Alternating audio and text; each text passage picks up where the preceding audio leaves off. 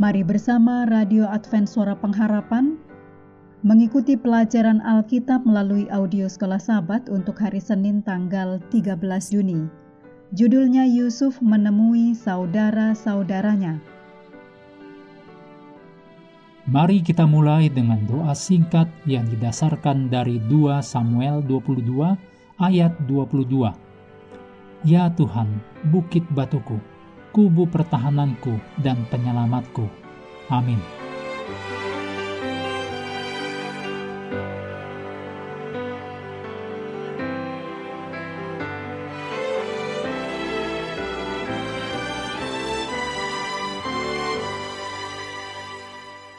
Anda perlu membaca kejadian pasal 42 mengenai saudara-saudara Yusuf pergi ke Mesir yang mengungkapkan pemeliharaan Tuhan meskipun manusia jahat dan penuh dengan penyimpangan.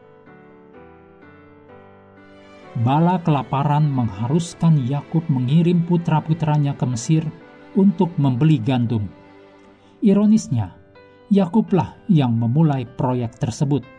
Demikian ditulis dalam Kejadian 42 ayat 1. Orang tua yang malang, korban dari keadaan di luar kendalinya, tanpa sadar menggerakkan rangkaian peristiwa yang menakjubkan yang akan menyatukannya kembali dengan anak lelakinya yang telah mengakibatkan dirinya berduka lama.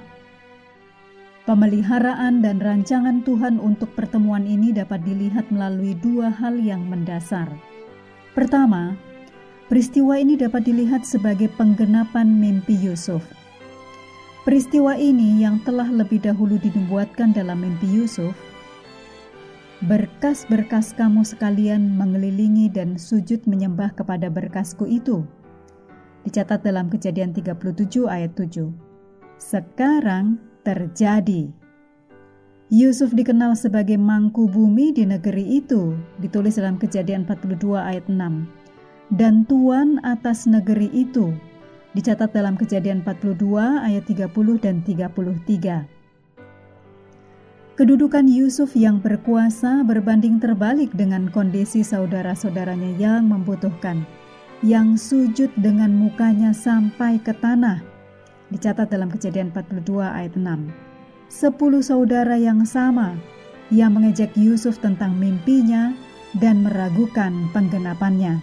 Demikian dicatat dalam kejadian 37 ayat 8. Kedua, Peristiwa ini dijelaskan sebagai sebuah respon, baik dari bahasa juga tema di antara kedua peristiwa tersebut menggarisbawahi ganjaran yang adil. Kalimat mereka berkata seorang kepada yang lain yang dicatat dalam kejadian 42 ayat 21 juga digunakan ketika mereka mulai berkomplot melawan Yusuf Demikian ditulis dalam Kejadian 37 ayat 19. Saudara-saudara Yusuf harus mendekam di penjara. Dicatat dalam Kejadian 42 ayat 17. Mencerminkan Yusuf mendekam di penjara. Dicatat dalam Kejadian 40 ayat 3 dan 4. Faktanya, saudara-saudara Yusuf menghubungkan apa yang saat ini terjadi pada mereka dengan apa yang mereka lakukan terhadap adik mereka mungkin 20 tahun yang lalu. Kemudian mereka berkata satu sama lain, Betul-betullah kita menanggung akibat dosa kita terhadap adik kita itu. Bukankah kita melihat bagaimana sesak hatinya ketika ia memohon belas kasihan kepada kita, tetapi kita tidak mendengarkan permohonannya? Itulah sebabnya kesesakan ini menimpa kita. Demikian dicatat dalam Kejadian 42 ayat 21. Perkataan Ruben, sekarang darahnya dituntut daripada kita. Dicatat dalam Kejadian 42 ayat 22. Mengulangi peringatan yang dia berikan di waktu lalu. Janganlah tumpahkan darahnya. Ditulis dalam Kejadian 37 ayat 22. Ini memperkuat hubungan antara apa yang mereka sekarang hadapi dan apa yang telah mereka lakukan. Kebanyakan dari kita tentunya telah melakukan hal-hal yang sangat kita sesali.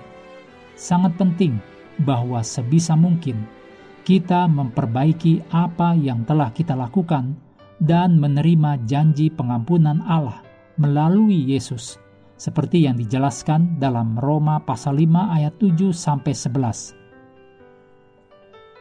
Mengakhiri pelajaran hari ini mari kembali kepada hafalan kita Kejadian 41 ayat 41.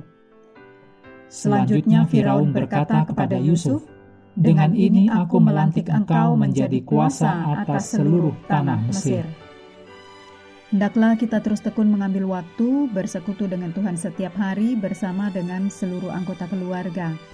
Baik melalui renungan harian, pelajaran sekolah sahabat juga bacaan Alkitab sedunia, percayalah kepada nabi-nabinya yang untuk hari ini melanjutkan dari bilangan pasal 34. Tuhan memberkati kita semua.